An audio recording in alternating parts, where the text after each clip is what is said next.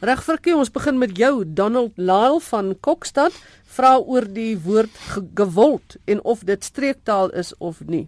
Ja, 'n mens hoor hierdie ding deesdae nogal taamlik baie. Dit beteken in die algemeen so opskudding of 'n beroering, dit was 'n hele gewold geweest. En as 'n mens nou die spore vat, dan gaan dit verder na die taal Jiddisch toe. Nou met Jiddisch moet mense sê dis uh dit word ook genoem Joodse Duits of Jode Duits. Dis 'n mengsel van Duitse, Baltoslawiese en Hebreëse woorde wat oorspronklik gepraat is deur die Jode van Oos-Europa maar wat nou sedertdien omtrent wêreldwyd uitgebrei het uh, waar Jode met mekaar praat en en waar hierdie vorm dan 'n uh, universele taal is as dit ware. Die gewold en dit word uh, terloops in Jiddisch geskryf met met nie met 'n w nie maar met 'n v is waarskynlik 'n vervorming van geweld. En daai geweld is gewoon geweld. So as jy gewold het dan was dit aanvanklik was dit 'n geweld, dan was dit 'n iets wat gewelddadig plaasgevind het. Nou wat heel interessant is, 'n mens kry nog sulke uitroepers soos oi geweld in Jiddisch en dit beteken wee my of soos die Engelsman sê oh wow me, jy weet dit is dis wanneer iets verkeerd loop, dan sê jy oi geweld. En daar ek het so 'n bietjie gekyk, daar is ook nogal 'n groep wat musiek maak en dis sogenaamde heavy metal musiek uh, met die naam van Gewold en wat baie interessant is is dat hulle in Jiddisch sing inderdaad. Ons praat ook dan baie keer in Afrikaans van 'n commotion. Ja, en dit is tipies dan kan ons maar nou net sowel daai mooi ding gebruik van dis 'n heeltemal 'n Gewold. Ja. Ek ja. ken dit baie goed en het, ek ek weet mense rondom my gebruik dit ook. Ja, ja, mense hoor dit. Willem, ons kry baie keer vrae oor hierdie ding. Sal jy dit nou asseblief beantwoord? Op dit, van dit, oor dit in plaas van daarop of hierop of daarvan of hiervan, daaroor en hieroor. Ek het ook 'n broertjie dood hier aan, maar ek het al besluit mens sal niks daaraan kan doen nie. Dis so ingeburger. Wat sê jy? Ja, dit is ongelooflik algemeen op die oomblik. Maar ek wil daarom net wys op, op die voordeel van die korrekte gebruik van die hier. As jy praat van hiervan en daarvan, kan jy baie meer presies jouself uitdruk. Jy kan sê as jy nou voor 'n toonbank staan by 'n bakkery met koekies en sê ek wil 3 hiervan hê en 7 daarvan. As jy nou net praat van van dit, weet ek nie hoe jy dit gaan hanteer nie. Of as jy sê ek wil nie hieroor gesels nie, maar ek wil daaroor gesels. As jy net praat van oor dit, kan jy jouself nie so presies uitdruk nie. So hiervan daarvan hieroor daarvoor daarmee en hiermee uit groot voorbeelde voordeel bo met dit op dit van dit. So ek wil net vir mense daarop wys dat dat hulle eintlik 'n presisheid inboet dat hulle self nie so goed kan uitdruk as hulle nie die korrekte vorm gebruik nie. En dan wil ek ook maar net weer wys op dis die man wat gesoek word en nie die man wie gesoek word nie. Maar hierdie van dit en op dit en oor dit is hy nie al te ingeburger nie. Nee, ons beklei dat jy. Al ek stel maar net altyd die voordeel van die korrekte. Ja. Ek meen hiervan en daarvan is woorde in Afrikaans. Dit ja, is nie skielik verdwyn nie en hulle het groot voordeel omdat jy baie meer presies kan sê wat jy bedoel. So dit kan ook maar net lui uit wees. Ja. Frikkie Julius Troski van Garsfontein stel voor kerf en trukerf vir die slash en die backslash. Dis nou daai vorentoe agtertoe. En dan is daar weer Dan Groenewald wat weer iets anders voorstel. Wil jy vir ons gou verduidelik? Dan stel voor die kap en die terugkap want hy sê slash kan vertaal word met 'n kap en dan is dit 'n backslash is dan is dit 'n terugkap. Nou miskien moet ek ook eers net sê Dan het ook gepraat oor die Afrikaans vir hash die hash teken nou ons uh, ons kry dit uh, heel dikwels wat ons gepraat het van die hits en hulle praat van die hits knoppie wat jy moet druk. Vra dan nou wat van hekkie? Nou ek uh, Willem kan my help in die verband, maar ek het al dikwels ook gehoor dat mense praat van daardie ding as 'n hekkie. Die teken ja. die teken lyk inderdaad soos 'n hekkie. Ek hou van hekkie. En uh, wat my betref is dit heeltemal in orde om hekkie so te gebruik. Dit het al ook 'n bepaalde soort inslag gevind. Nou oor die oor die voorstelle, mense het altyd waardering vir voorstelle wat mense maak oor dinge. Nou hierdie skynstreep word volgens die akademie se taalkommissie word genoem 'n solidus. Dis dit is die een wat normaalweg uh, links onder begin en dan die regterkant bo leen hy so terug. Dit is 'n solidus. En die een wat dan na die ander kant toe leen is 'n tri solidus. En dit word as terme so erken En ek wil tog maar vra dat mense miskien daarby hou. Ons kan altyd kom en ek wil nie daarmee die mense se kreatiwiteit demp nie. Uh, dit is altyd 'n groot deel van Afrikaans was juist dat mense kreatief met woorde omgaan, maar in hierdie geval kom ons hou maar by die term solidus en uh, trisolidus en uh, mense kan maar in jou in jou vriendekring ook hierdie ander terme gebruik, maar uh, as iets so vasgelees moet ons maar daarby berus. Ons nou gepraat van hekkie vir hash. Wat sou 'n mens in die geval van Twitter vir hashtag kan sê in ja. Afrikaans? Uh, ja, ek dink ons het al iets daar. Ek dink daar is iets al gemaak in die verband nie mense nou maar oorspronklik moet dink en ons uh, mense kan maar vir die luisteraars ook vra dat hulle hier met gedagtes na vore kan kom. Ja, dit sal nogal 'n goeie ding wees. Kom ons hoor van luisteraars ja. wat hulle sê vir hashtag wanneer mense met Twitter te doen het. Willem ons gaan na jou toe Pieter de Beer van Sandton vra na die Afrikaans vir franchise. Franchise word wel erken in Afrikaans, selfs met 'n meervoud franchises, maar en 'n franchisehouer, maar daar is Afrikaanse alternatiewe. En baie interessant, ehm um, jy kry alternatiewe vir verskillende situasies. Jy kry verkoopsreg, handelsreg, bedryfsreg, vervaardigingsreg. As dit byvoorbeeld gaan oor die bedryf van 'n kettinggroep, as jy 'n franchise daarvoor het, kan jy praat van die bedryfsreg. Dis die die reg om 'n tak van 'n kettinggroep te bedryf. Dis jou bedryfsreg. Jy kan dit vervang met vervaardigingsreg. Dan het jy die reg om 'n buitelandse produk plaaslik te vervaardig, waar die, die Engels sê to hold a franchise for something. Kan jy sê jy het die franchise, maar jy kan ook sê jy het die agentskap of jy het die verspreidingsreg vir iets. So daar is Afrikaanse ekwivalente.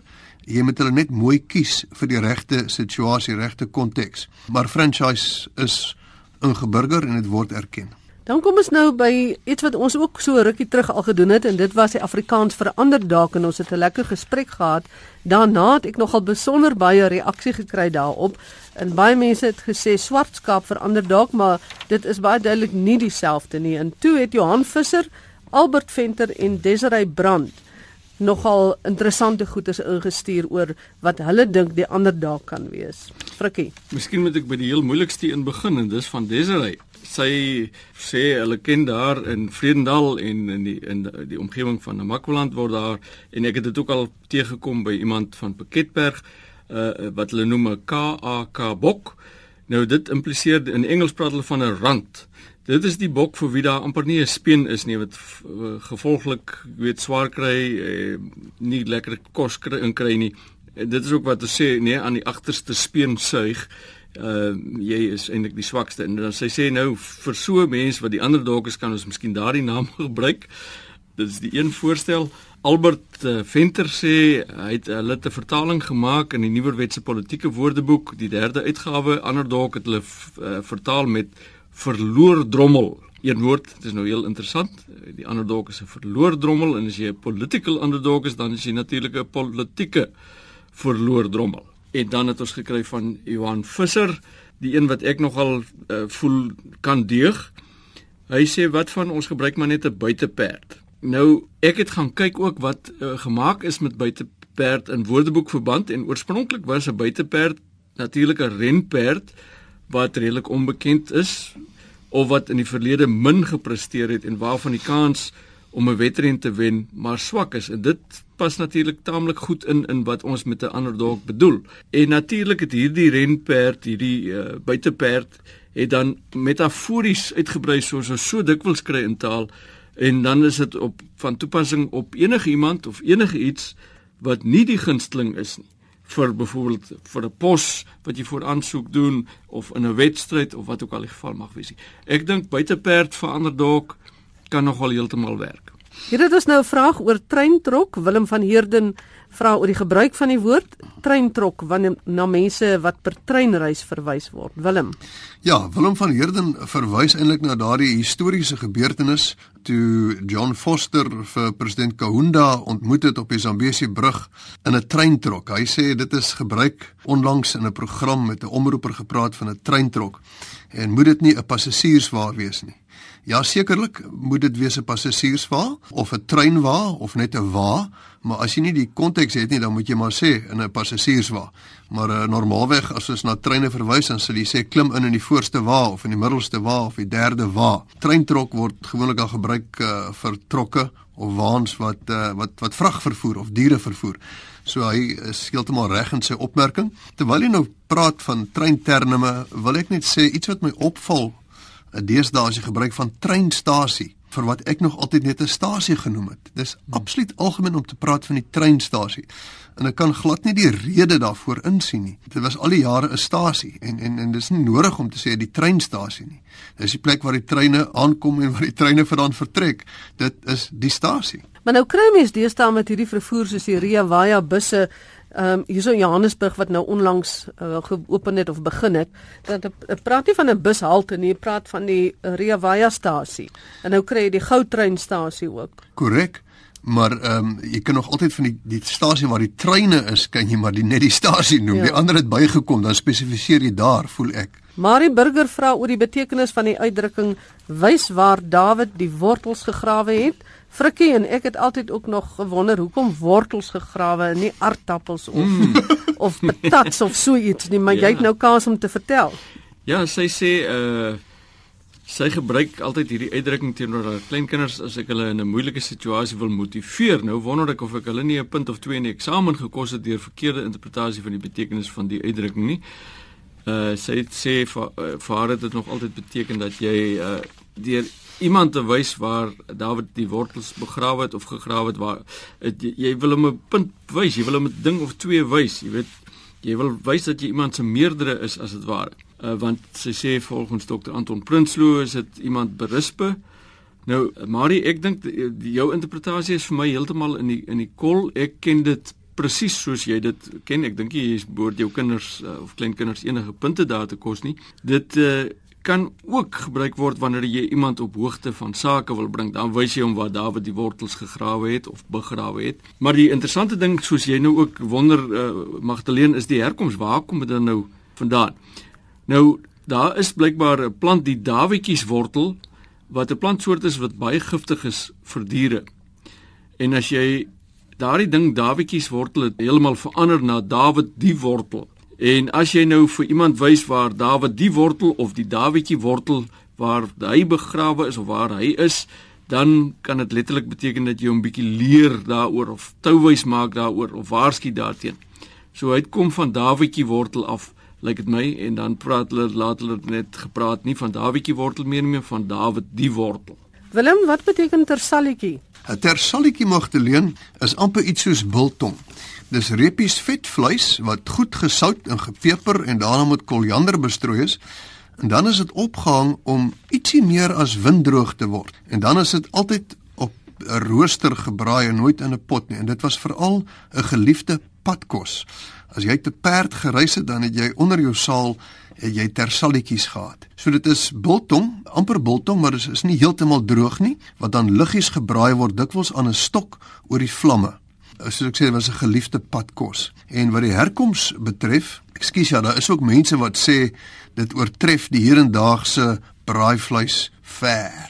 Is baie lekkerder. Ehm um, wat die herkoms betref, uh, professor Benedictus Kok, voormalige rektor van die Vrystaatse Universiteit, het uh, die herkoms vir die eerste keer vir ons verklaar en hy sê dit kom van die Portugees tassalo wat beteken gesoute vleis en dit het dan later ontwikkel in Afrikaans tot tersalletjie. Weet julle ek het onlangs gehoor van iemand wat biltong op die rooster braai. Het julle al gehoor daarvan? Nee, ja, dit is 'n lekker vet is en ek dink dis maar iemand wat dalk uh, verlang na 'n tersalletjie. My genade, ek ken dit nie. Ja, ek het gehoor dink ek nee, mens morsie jou biltong so nie, né? Frikkie, ek dink ons het nog tyd vir een vraag en dit gaan oor skryf uh, vir mense iets los of vaskryf en daardie reël is mos maar in die woordlys se spelreëls ook, maar wil jy nie vir ons dit vereenvoudig na aanleiding van 'n vraag van 'n luisteraar van Bloemfontein. Ja, die luisteraar vra dat ons maar tog so 'n bietjie praat oor oor samestellings en die, die skryfwyse daarvan na aanleiding van 'n advertensie waarin motorvervaardiger losgeskryf is. Nou natuurlik moet motor, motorvervaardiger moet as een woord geskryf word.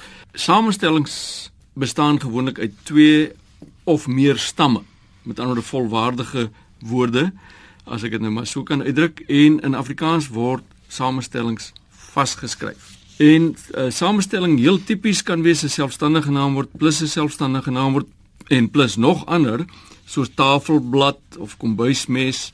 Dit kan ook 'n selfstandige naamwoord wees plus 'n voornaamwoord, Jan, hulle, pa, goed ensovoorts. Dit kan 'n naamwoord wees plus 'n werkwoord soos asemskep.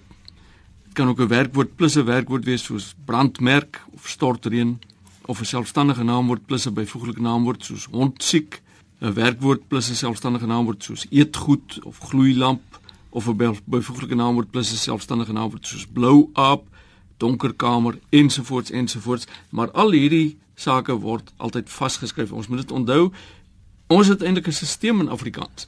Samestellings word vasgeskryf en daar is ons Engels een voor want in Engels is daar geen manier wat jy eintlik kan heeltemal voorspel of 'n samestelling uh vasgeskryf word of heeltemal losgeskryf word of selfs met 'n koppelteken geskryf word. In ons geval weet ons skryf vas.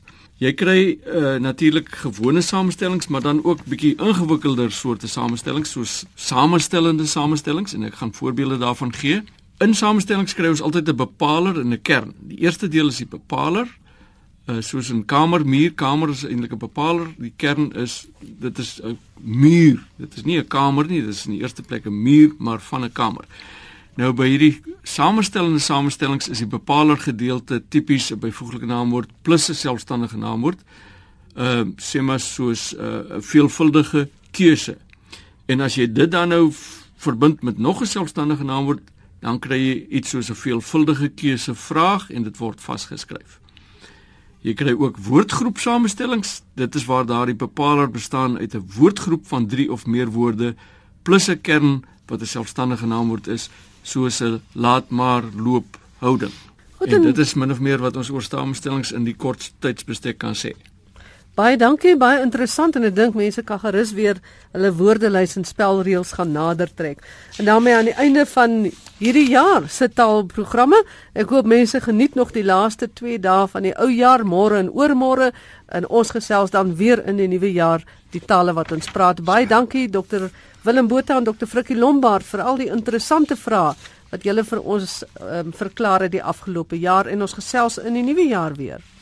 Dankie Magdalene en uh, dankie luisteraars dat julle so getrou inskakel op hierdie program. Ja, baie dankie vir al die interessante vrae. Ons het dit geniet.